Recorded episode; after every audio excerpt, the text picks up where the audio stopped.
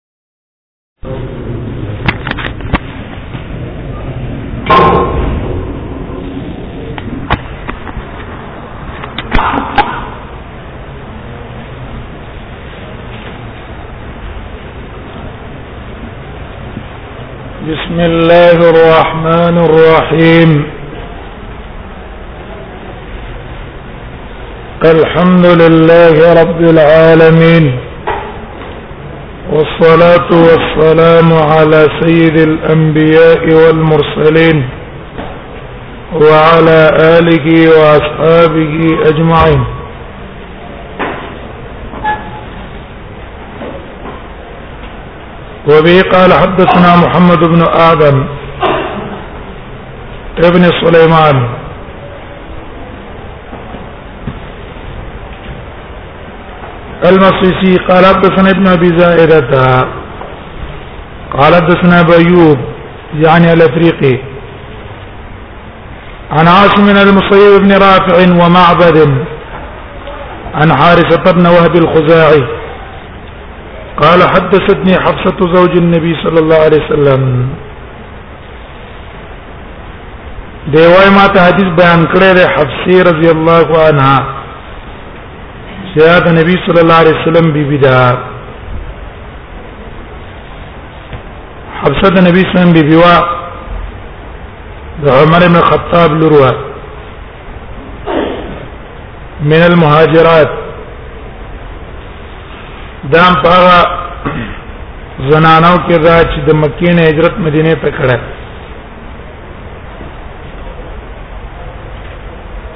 دا رسول الله صلی الله علیه وسلم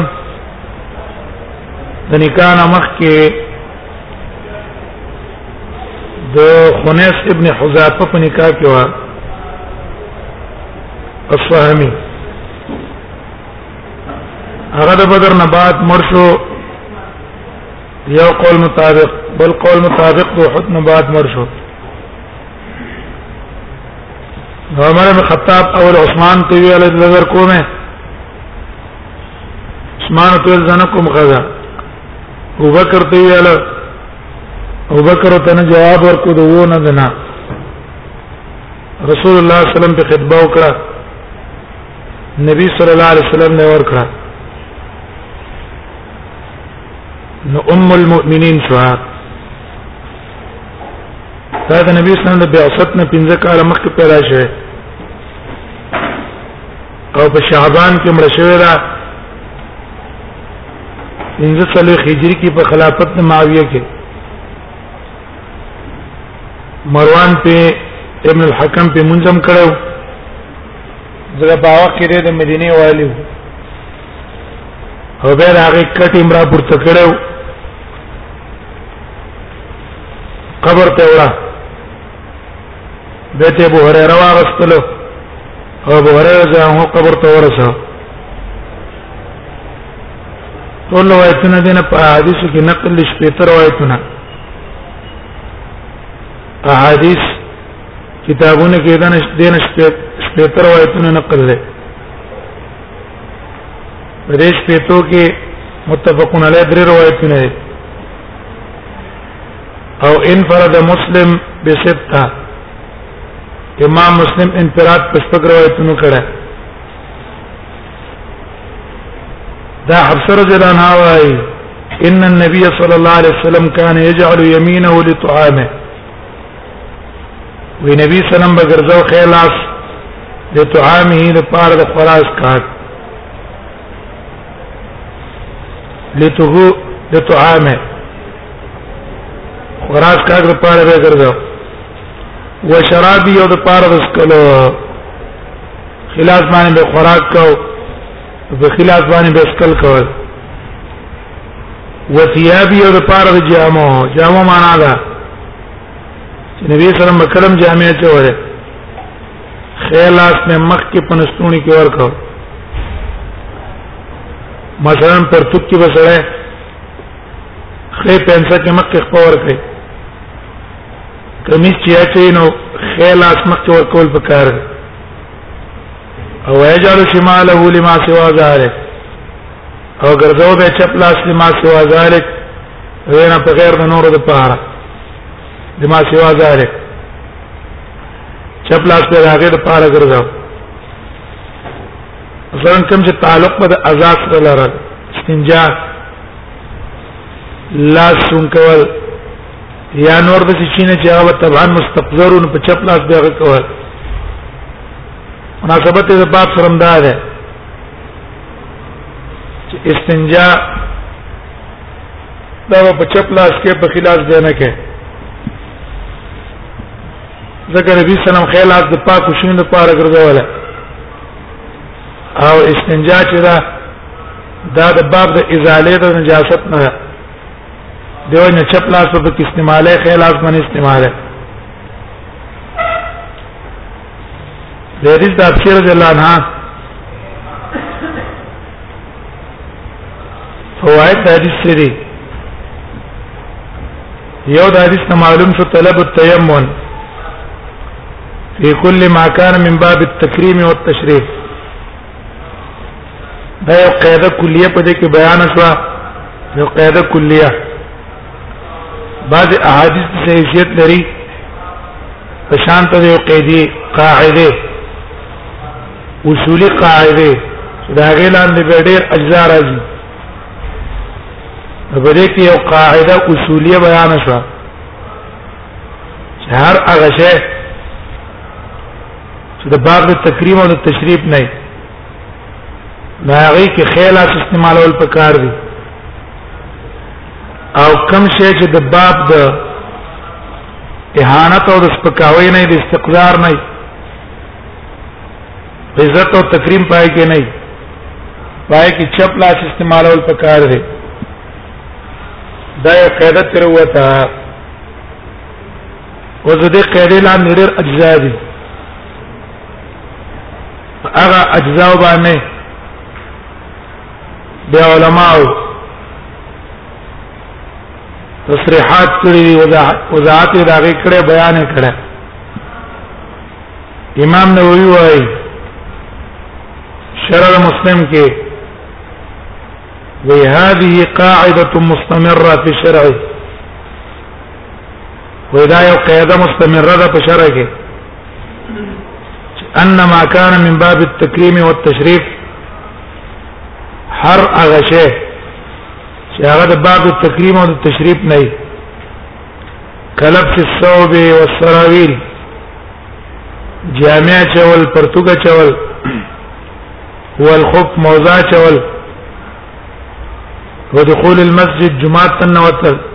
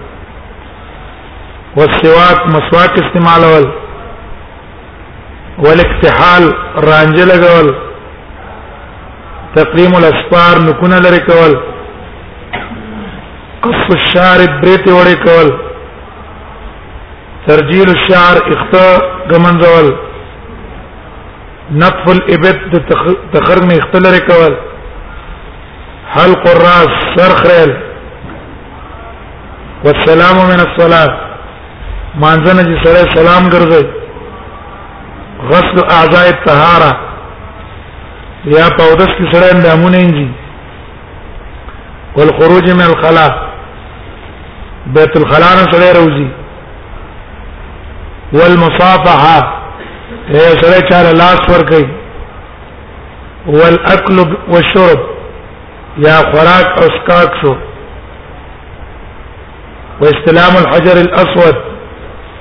حجر اسود کول اول شو دا شو وغیر ذلک مما هو فی معناه یا نور د قصشی نواله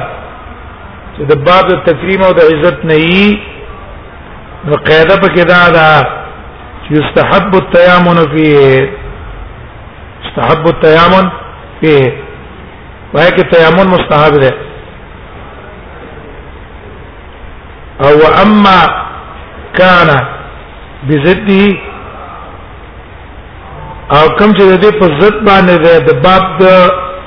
اکرام او د تکریم او د تعظیم نه نه بلکې د اهانت نه لکه بیت الخلاء تنوت تلک دخول الخلاء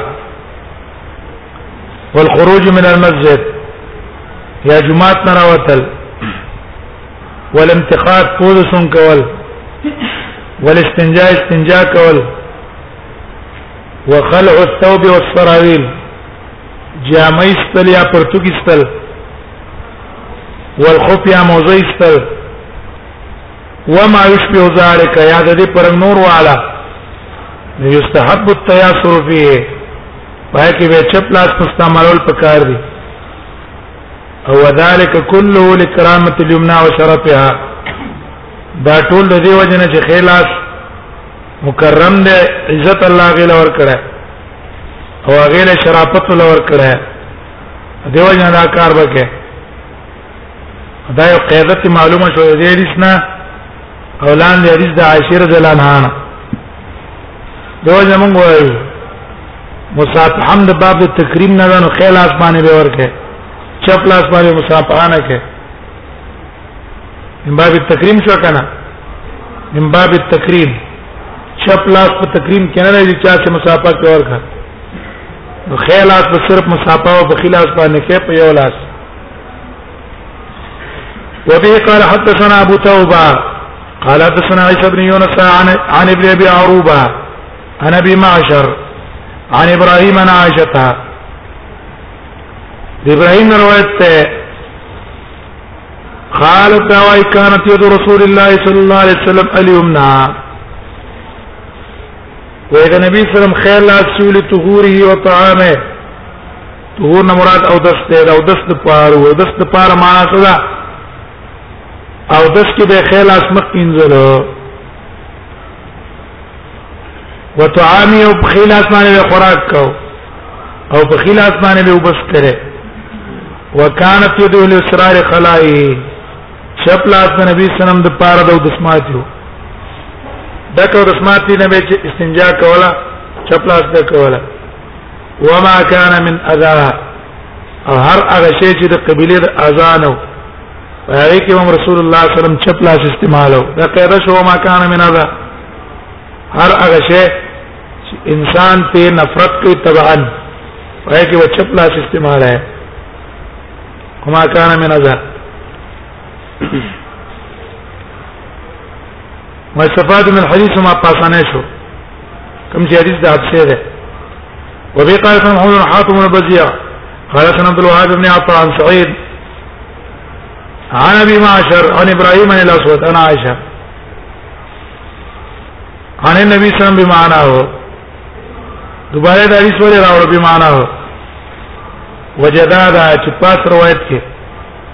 ابراهيم او د عائشه په منځ کې واسطه نه رضی الله عنها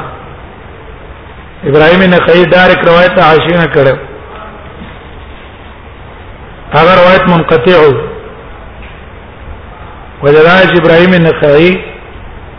عائشه رضی الله عنها سما ثابت نه ده نو مصنف ته مجلس راوړو د پاره د اتصال ابراهيم نخعي ډایرک د عائشه نه روایت نه اوریدل چې روایت منقطع شي بلکې په واسطه د اسود اوریدل د اسود نو روایت متصل شو نو د دیو جنا دا روایت راوړ بمعنى هو باب في الاستطار في الخلاء باب بیان استطار کې ځان پټولو فی الخلاء په خلا کې دغه د سماعتي لاړ شي الته د کلاو نه کینه الته په ځان باندې پردا چي حتی لوسه بزان پته کلاو بکې نه نه ځان بس یا چادر په ځان واچا یا دیوال تکې نه یا د ونه په جاخ کې کېنه عورت ته تلوسه پټي نو دلته مقصود د مصنف باب نه سره مقصود د مصنف رحم الله د باب نه اغا طلب الاستتار عن اعين الناس عند قضاء الحاجه په وخت د قضا د حاجت کې د خلکو نزان پټول پکار دي یو باب مخکم تیر شو په اول کې باب التخلي عند قضاء الحاجه اولنې باب اولنې باب هغه باب مقصد څه الت طلب التفرد او د سماعت لا د خلکو نزل لري چې تل پکار چې لري لاړې الته به دې کولاو نه کینې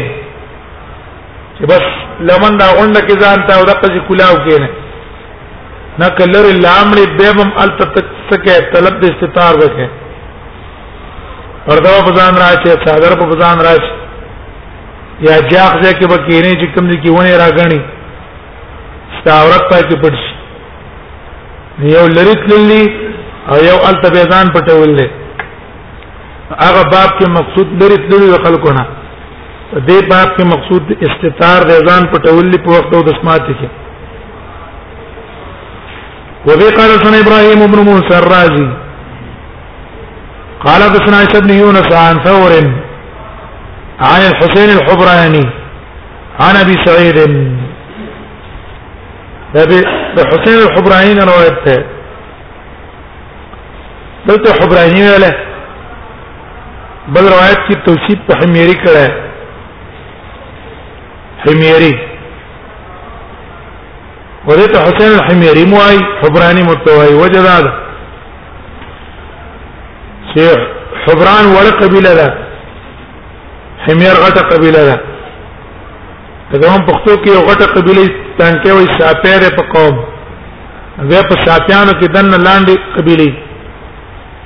یا پلان کې مومن دی نو په مومندانو کې خپل قبيله پلان کې خلیل دی د بری خلیل کې دنه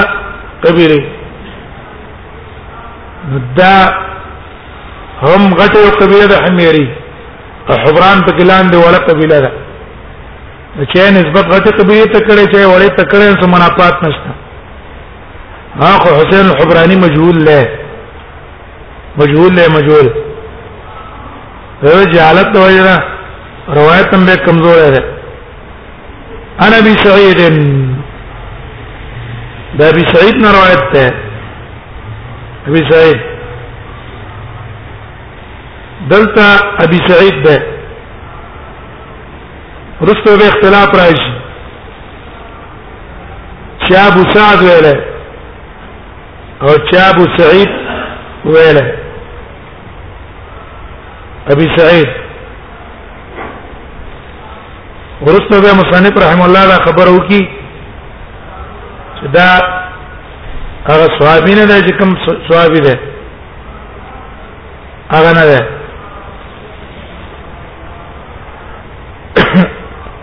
نبی سعید نے روایت ہے ابي سعيد الخير عن ابي هريره عن النبي صلى الله عليه وسلم قال دا ابي هريره جاءون ابي هريره جاءون النبي صلى الله عليه وسلم روایت کړی دی قال النبي صلى الله عليه وسلم فرمایي من اکتحلا تاکران دې استعمالول پسترګو کې اکتحال ویل کیږي سترګو کې رانجات چول فلیو تر تاک تاک استعمال کی من فعل چا چې تاک استعمال کر رانج پسترګو کې فقد احسن کې وکړه ولعملکم په سنت باندې ومن لا فلا حرج احسن ما نسدا فعل فعلا حسنا يثاب عليه دغه شی وکړه کار کو چې الله په دل اجر ورکړي ورته ایثار د نبی سم سنت ته د نبی سم په سنت باندې عمل کولو کې اجر ده ومن لا فلا حرج او که چا ایثار استعمال نکړه جبت استعمال کړه فلا حرج ګناه ته نشته ولې دا د وجوب د پاره نه ده استحبابي امر ده او په ترک استحباب کې حرج او ګناه نه فلیوتر تاک د استعمال کې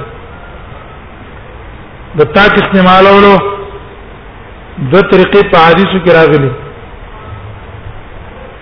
او درېمه طریقه علماو نقل کړي علماو یو طریقه دا ده چې هر سترګه کې درې درې راځ سلایان استعمال کا خیسترګه کې درې سلې استعمال کا او چپ سترګه کې درې سلې استعمال کا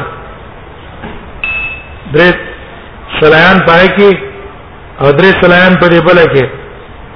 دا دوانه چې استعمال کړ دا ایثار شو دا څه شلو دا ایثار شو په دې طریقې باندې روایت پر راغله ده ترمذی روایت ده دلالت پر روایت د ترمذی کوي وی کان له علی السلام مکحلا وی د نبی صلی الله علیه وسلم یو نجوم وا یکتحل منها كل ليله ثلاثه في هذه وثلاثه في هذه د نبی صلی الله علیه وسلم نجوم وا هر شپه په دې سترګه کې درې سلام رانجه به ته چول او درې سلام په دې بل سترګه کې چول دیمه طریقه دا عبد الله ابن عمر نه نقل لا امام طبرانی ته نقل کړي چې بده سترګه کې خې سترګه کې درې واچه او په چپ سترګه کې دو سلام راکاږي دام ایتار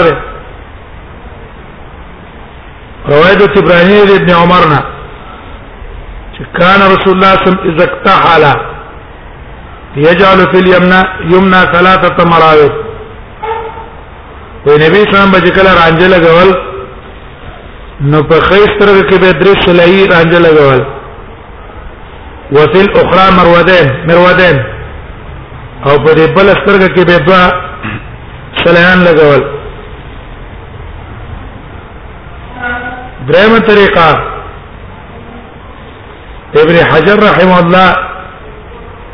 او مولا قاری ذکر کړي دا نه مناوی شپ ذکر کړي چې دا طریقم په ایثار کې داخل ده هغه دا چې په هر سترګه کې دوه دوه سلام راکاږي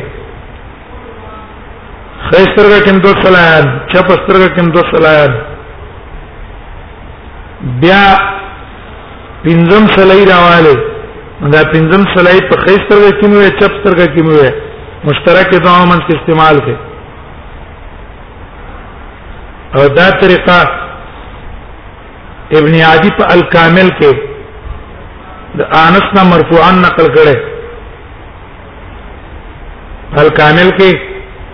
انس ابن مالک نه مرفوعا نقل کړي چې رسول الله صلی الله علیه وسلم دغه شکار کړي او دا دریم صورت ابن سیرین غوړه کړي دا دریمه طریقې به رسول الله صلی الله علیه وسلم د ایثار کفاره طریقه باندې چې عمل وکړو هر طریقه هر طریقه چې دی عمل کو یو سترګې کې رانجو کو یو کې او په دې بل کې دی او هم تا ته ایثار وای عمل عملن تا ایثار ایثار استعمال کو یو رانجو دې کې راکا یو دې کې راکا دې ته میثار وای وها دا غدری طریقې د رسول الله د فعل نه نقل له باغې کې چې عمل کو بهتر ده به رسول الله صلی الله علیه وسلم امر پیتار ولې کړه چې فل یوتر په دې کې اثر کې حکمت دا ده چې رسول الله صلی الله علیه وسلم فرمایي ان الله وتر يحب الوتر الله تاک ده دا تاک سره مینم کوي تاک سره دیو جن رانجه چې استعمالې نو تاک تاک استعمال کړ الله ته خوښ ده بیا رانجه استعمال اول کله کله په نیت سنت باندې سنت دي چې سره رانجه استعمالې په نیت سنت بیا علماوی په رنجو استعمالولو کې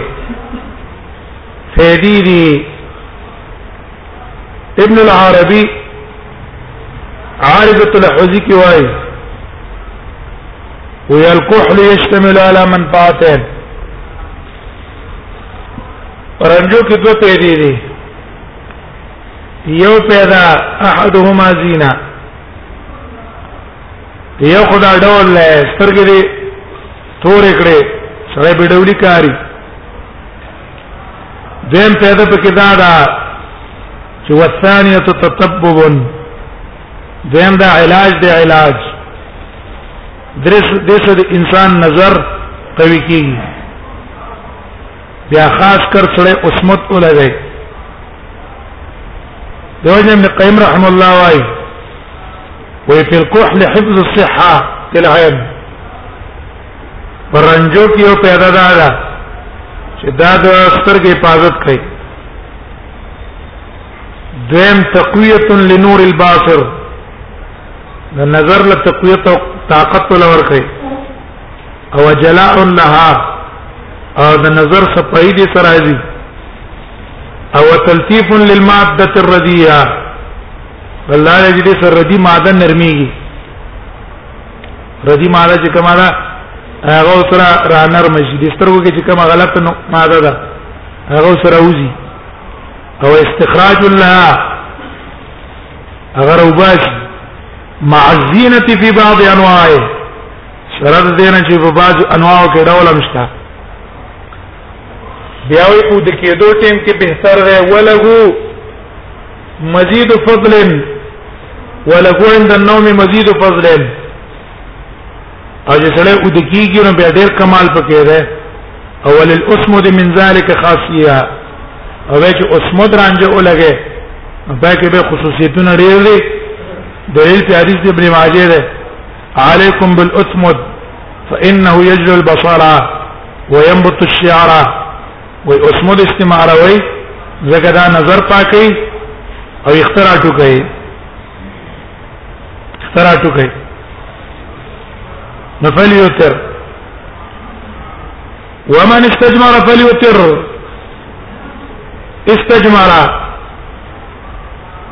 او چا چې استنجا په کانو باندې کولا فلی تر تاک تاک استعمال کیه من پال فقد احسن ک چا دا کار کو ډیره خو کړه ومن لو کی ایثاری او نکړ فلا حرج گنا پک نشتا استجمار څه معنا ده عینی څه به معنا کړی دا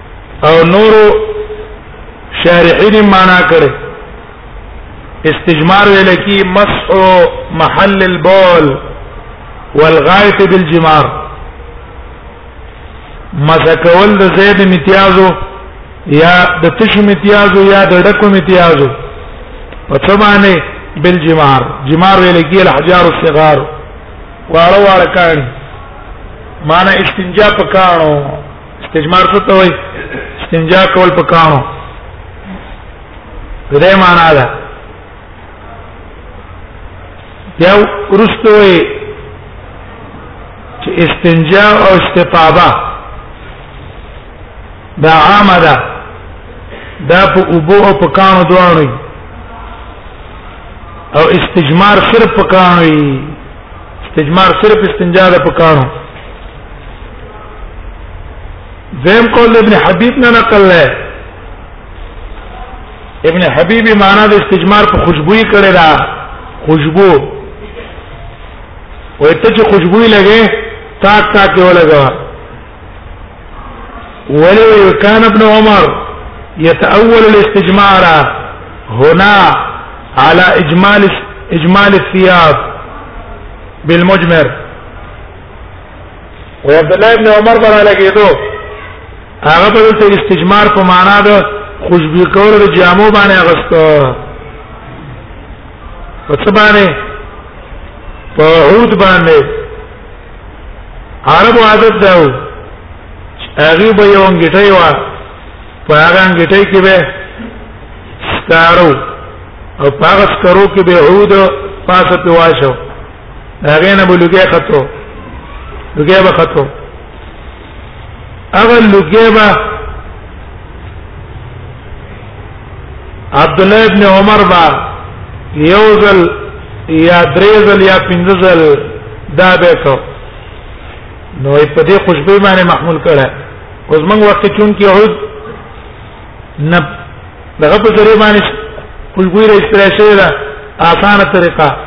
اگر ته خوشبوئی راکاږي نو پلاس سره راکاږه تاک تاک راکاږه پاره باندې محمول او دا قول د امام مالک نم نقل لای استجمار نه معنا خوشبوئی ده و ایمان استجمار چا چې پدان خوشبوئی لګولا فلیوتر تاک دی ولګی تاک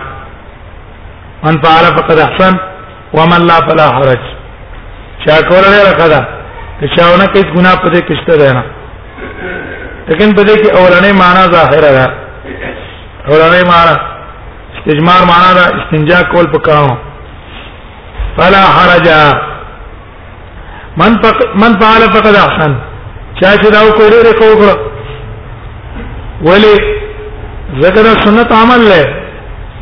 فعل فعلا حسنا يصاب عليه یو خسته کار کو سنت عمل کو الله ته اجر ورکړي ومن لا فلا حرج او چې ایثار او نکړو ګناه ته نشته ولی ته نشته ځکه په استنجا کې دوه مقصود دي یو پکې مقصود انقاذ انقا تبغ محل پاکه هغه انقا په دوه کانو شو که په دریو شو که په څلورو شو او که په پنځو شو که په لسو که په شلو که په دیر ترڅو پورې چې انقا د محل نه راغلی کاني و استعماله رسته انقا په تاک ما په جفت باندې وشو فرضیت ستا ادا شو اخوا ایثار سنت ته کوله کو ډیره کده کني نه دي ومن لا فلا حرج د په دې حدیث باندې ورسته براشي امام و نفو امام مالک دلیل نه وایي چې په استنجا کې صرف انقا فرض ده او تسلیس دا سنت ته واجب او فرض نه ده تسلیس معنی درې کان استعمال اول په استنجا کې فرض او واجب نه دي کته په دوه کانو پاک شوي دریم کان استعمال ته ضرورت نشته لیکن د امام احمد امام شافعي او د جمهور علما او محدثینو مذهب دا دی چې نه په کانو کې دوش په استنجا کې دوش نه پرز دي یو انقاذ یو تسلیث ده که انقاذ د تسلیث نه مخکې وشو درې کانه مخکې پاک شوي دریم کانه به استعماله د وجه د احادیثونه چې رسول را روان دي رسول الله صلی الله علیه وسلم په باب کې خیر ده باب الاستنجاء بالاحجار کې راځي چې درې کانه به ځان څوړې او الله نستنجي باقل من ثلاثه احجار بغیر ذلک کوم روایتونه دي چې تل باب کې راشي وبېو رسول الله صلی الله علیه وسلم درې کانی لازم کړي د دیو جنا د امکان رستو به تشخیص پورا کړي انک بدریو کانی استعمال کړه نه یو فرضیت دی ادا شو او انقاذ رانه ده شي نو دیم فرض به انقاذ کې د تشلیس نه اقوا ستا امقا او ستا فرض ده کدا امقا په یو کانی شو که په دوه شوا که په دریو شوا که په څلورو شوا انقاب کې هغه کې انقاب په جفت رااله په څلورم کاني ته پاک شوه نو پنځم کاني ته استعمال کا من فل یوتر دغه معنا ده فل یوتر دا حد ایثار حدیث کله ده بعد ثلاثه دریو نرستو به ایثار استعمال کا درې کان استعمال کا من فعل فقد احسن درې کان چې پنځم کان استعمال کو ډېر ښه وکړو پښپګي پاکي رااله پښپګو نرستو کوم کان استعمال کو دا اوم کان استعمال له بهتر دی ومن لا فلا حرج او کوم کان یا پنځم استعمال نکو صرف اکتفا په جفت باندې وکړه خیر په دې کې سارج نشته دا حدیث د امام مالک او امام بونی په استدلال نه ولره لیکن جمهور استاد په استدلال لري نه صحیح نه ده د احناف په نسبت باندې او د مالکیانو په نسبت استنجا کې صرف انقا فرض ده ایثار په کې سنت ده تسلیث په کې سنت ده جمهور علما وایي استنجا کې دوه شي نه فرض دي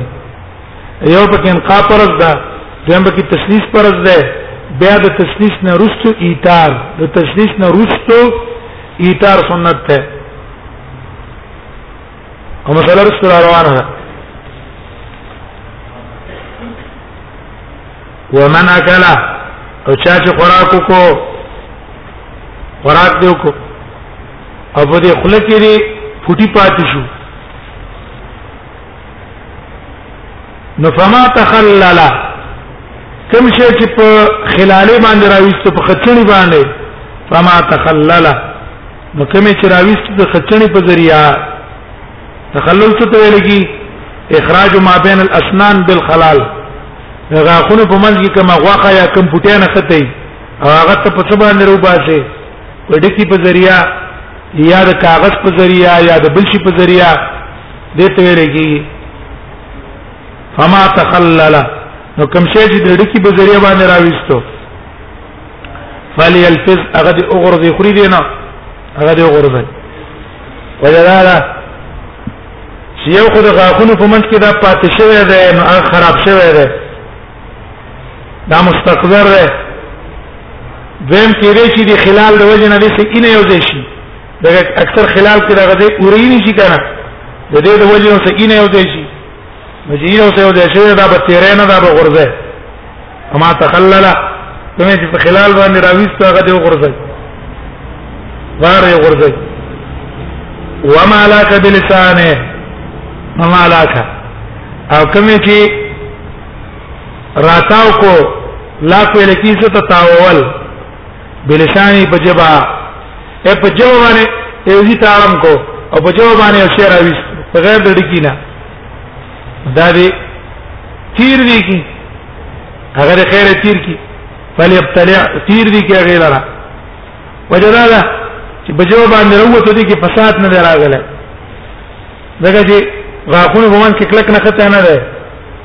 دویم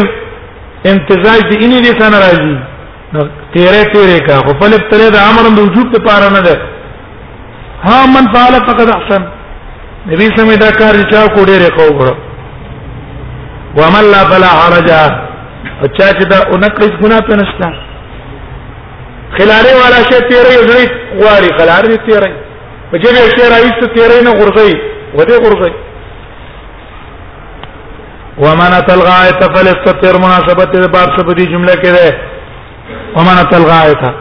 او سوچ راغ ډکو د سماعت ته هل یستتر ځان لدی ستر جوړ کی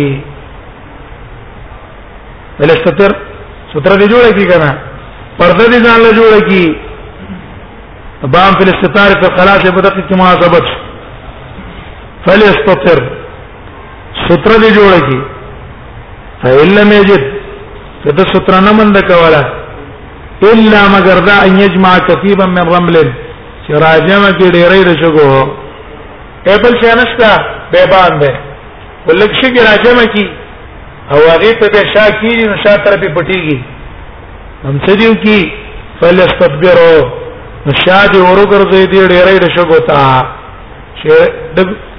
ډېرې د شګو جوړ کې هغه ته د شاته کینی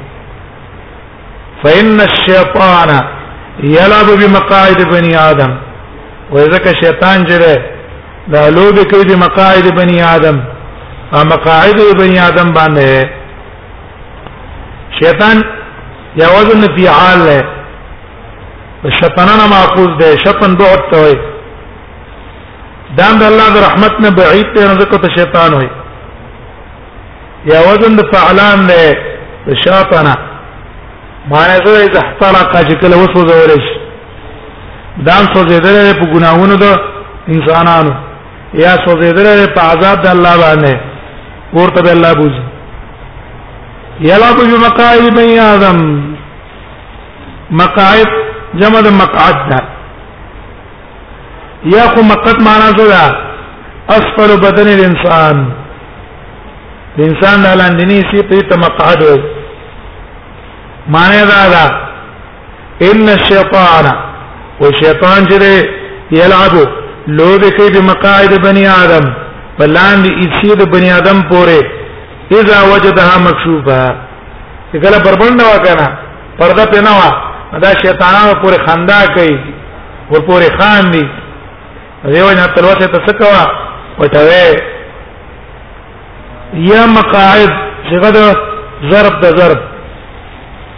موضع القعود موضع القعود هغه ځای چې کوم دي کې او دسماته کوي نو شیطان په اق ذکر دي انسانانو پورې لوبه کوي اول ته ځکه لوبه کوي چې دا غزين اخر کې د الله د ذکر نه خالي دي الله د ذکر نه خالي دي نو دلته د شیطان تسلط او تمکن دی نو دیو جنا مونږ ته نبی سم حکم کو بالستر ما امکان سورای من فعل چا چې دا تشیب راجمع کړه من فعل وانا زړه من فعل چا چې دا ډېرې را جمع کړه او پاغه باندې ځان پټ کړو فقط احسان ډېرې خو کړه احسان وانا استدبار الكثير دې معنا ده دا معنا چې من فعل که چا عورت پټ کو خې وکړه او که عورت پټ نه کوئی ګناه پې نشته نه عورت پټول خو پرز دي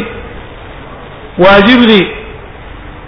او په تک د ستر د عورت کې او ګناه ده ها کله چې حالت چې سره معذوري معذوري تو څه نشته چې ځان په پټ کې په هغه ټیم کې به د باندې ګناه نشته ګناه په هغه چا ده چې ته څو ګوري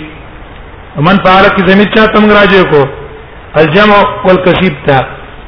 او دلته د علامه نقطه کې چې ستر لیکل لري الجمع والستر دا دا نقطه غلطه ده ټیک نه ده نه من فعل چا چې دا ډېرې ځان ته جوړ کړه فقد احسن خيو کړه ومن لا فلا حرج او که چا ځان ته ډېرې جوړ نه کړه فلا حرج ګنا پکې نشته خیر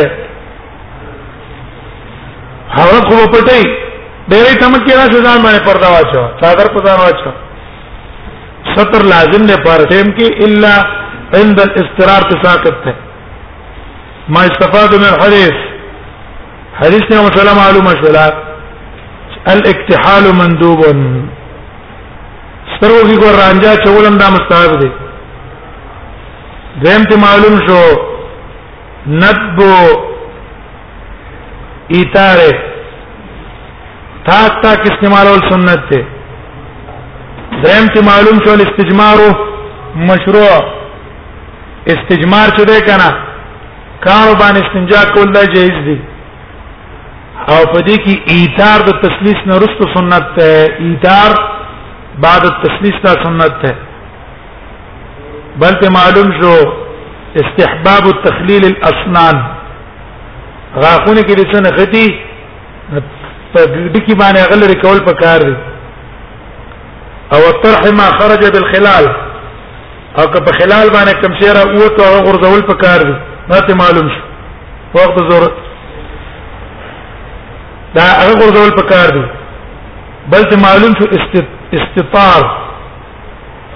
وخت او د سمات کې دا مطلوب دی دا بکه بل مسله معلومه شوه هغه مواضع چې انسانان په کې او د سمات دی هغه دین ته شیطانان حاضرېږي وجدار چې دا زینا اکثر خالد الله د ذکر نه دا وجه د خلود ذکر د الله نه شیطانان د تاجریږي حضور ته کوي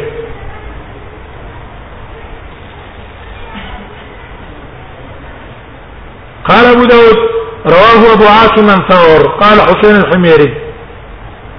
غرض امام ابو داود په دې کې څه ده غرض امام ابو داود په دې کې دا خبره ده چې عاصم را لګېدل ده عاصم دام له ثور شاګرد دی عاصم د ثور شاګرد دی لکه څنګه چې عیسی ابن یونس د ثور شاګرد دی نو عیسی ابن یونس را لګیدل دی د حسین توصیف کړه په حبرانی عیسی ابن یونس توصیف کړه د حسین په عیسی ابن یونس توصیف کړه د د حسین حبرانی لیکن ابو عاصم را لګیدل هغه چې د ثور نه دا روایت نقل کړه نو د ثور پر روایت کې هغه توصیف د حسین حسین ته حمیری کړه حمیری قال ابو داود رواه عاصم ابو عاصم من ثور وی ابو عاصم دا روایت نقل کړه د ثور نه قال ناغه حسين الحميري ویله عبراني په دې څه ویله حميري ویله دا ابو عاصم روایت امام دارمي راوړه امام دارمي متصل راوړه خو بیا د دوه روایتونو من کې منافات نشته وجداد حبراني دا حسين حبراني هم ده حميري هم ده حميري غټه قبيله ده حبران ولا قبيله ده زغرا لګیدل ده عيسى ابن يونس هغه نسبت وړي قبيله ته کړه او ابو عاصم را لګیدل ده هغه نسبت کړه ده غټه قبيله ته هیڅ منا پات نشته قال وروى عبد الملك بن الصباح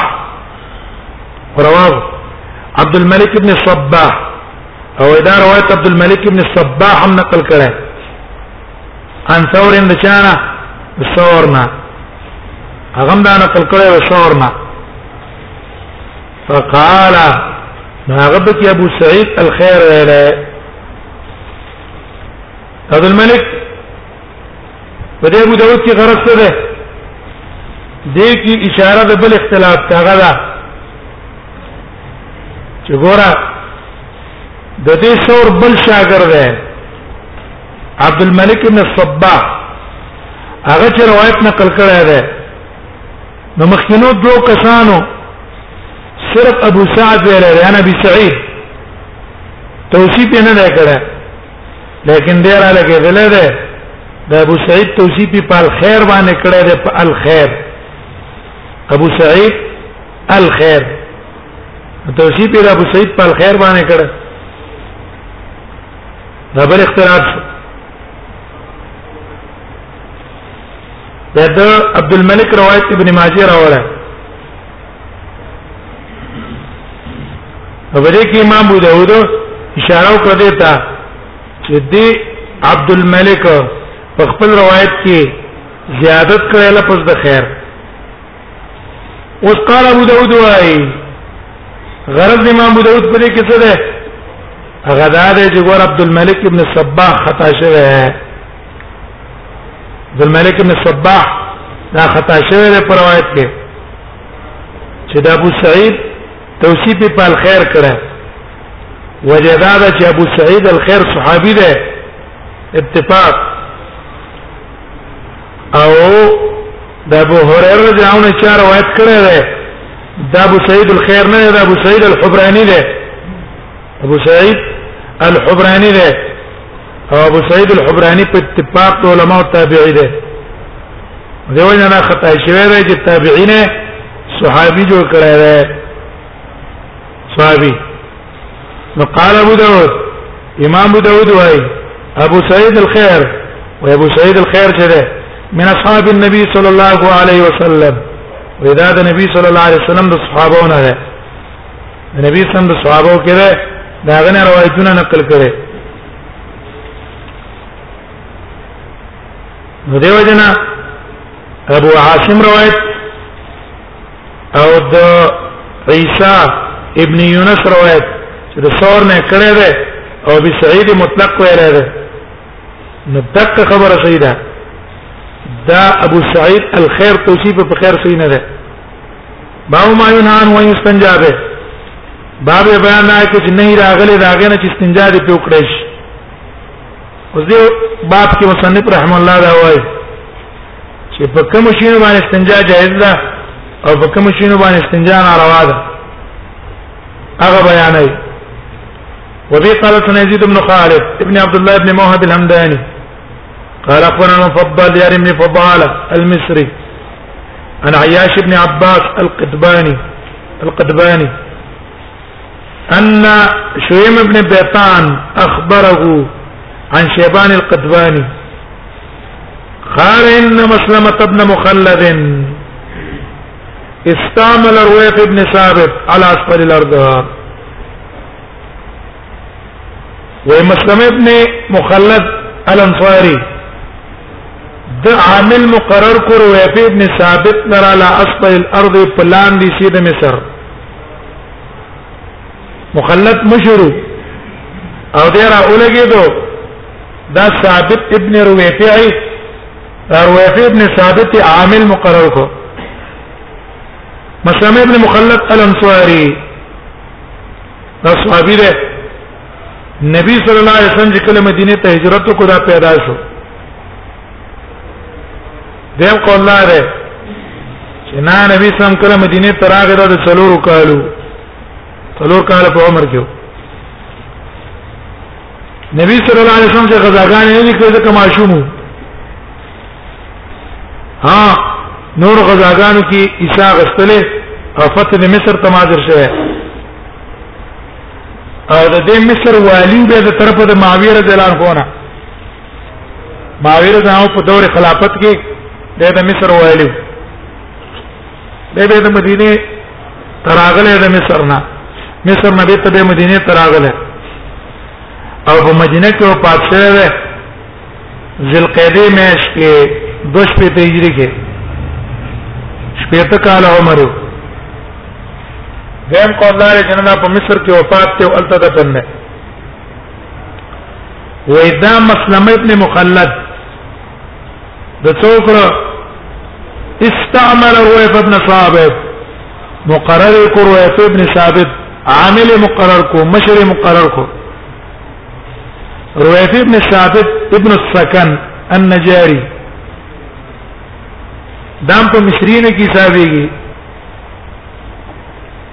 نم مصر کې وخت یې کړه معاویه رضی الله عنه د طرابلس علاقې د امیر مقرر کړو شپږ څلې هجری کې هغه دی علاقې امیر وای بل طرابلس نه د په افریقې باندې حمله کړې طرابلس نه لاړو او په افریقې باندې حمله کړې نه سلوخي نه سلوخي هجري کې دغه تقریبا اته احادیث نقل لې او دا په برقه کې وفات شوه برقه کې شپږ پنځوس هجري کې او دا دغه علاقه امیرو د طرفه د مسلم ابن مخلد هغه طرف نه امیرو وې دې امیر مقرر کو اسلام علما راځه دا امیر مقرر کو روایت ابن ثابت در لاس پر الارض فلان نشي د زمکا قال شیبان وای فسرنا معه من قوم شریک وې مونږ سلاړو د کومي شریک نه یو څنګه لاړو د کومي شریک نه چاته الى القما القماتا یا د القمانا الى کومي شریک تا اشور ورته څه مراد ده لاندې څه د زمکه درېنه مراد د زمکی د مصر علاقه ده د مصر او د مصر اسفل الارض هغه زمکی ته وایي چې کم دریابي طرف دریابي چې کم طرف هغه ته اسفل الارض ویل او کم چې دریاب نه بر طرف ته نو هغه ته اعلی طرف ویل چایي جنا اسفل الارض غربي طرف ته مصر ته وایي وای د سلاړو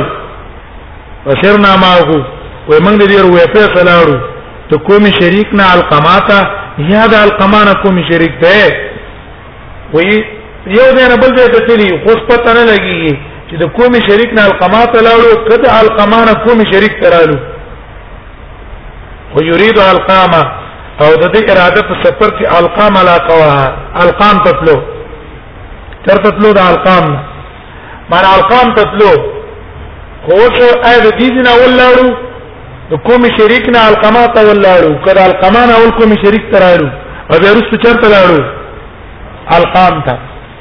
او شک ده کوم څه ته لکی کوما کوم اصل کې لکی الرمل المرتفع هغه شګو ته لکی د شګو رېرې چوتوي جته چګه اته کوم وي به دا کوم نوم نه د پاره دغه مواضع چې په مصر کې دي په مصر کې ځینې دي چې هغه ته کومونه وي کوم او خپل خپل کسانو ته داګه نسبت شوی دی چې په کوم باندې مشهور شوی دی بس هغه ته خلک نسبت کوي دا کوم مشهور دی په کوم شریک او دا شریک اصل کې صحاب د صحابین هم د شریک ابن سمیه الغتیفی الصحابي شریک ابن سمیه الغتیفی الصحابي دا شریک دی او دې ته کوم شریک سبب وجه دا چې کله امر ابن العاص په مصر باندې حمله کوله خدای فتکاو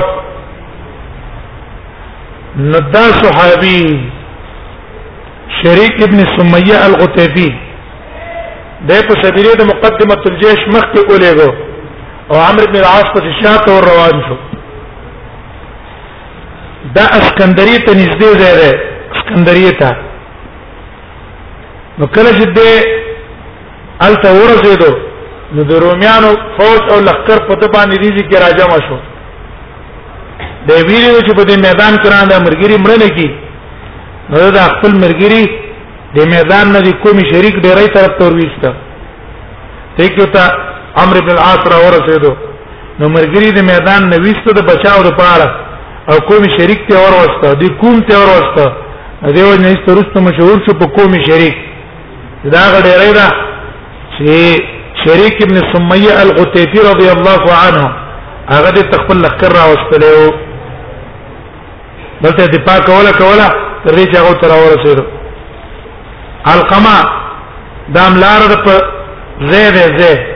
لار د اسکندریه کې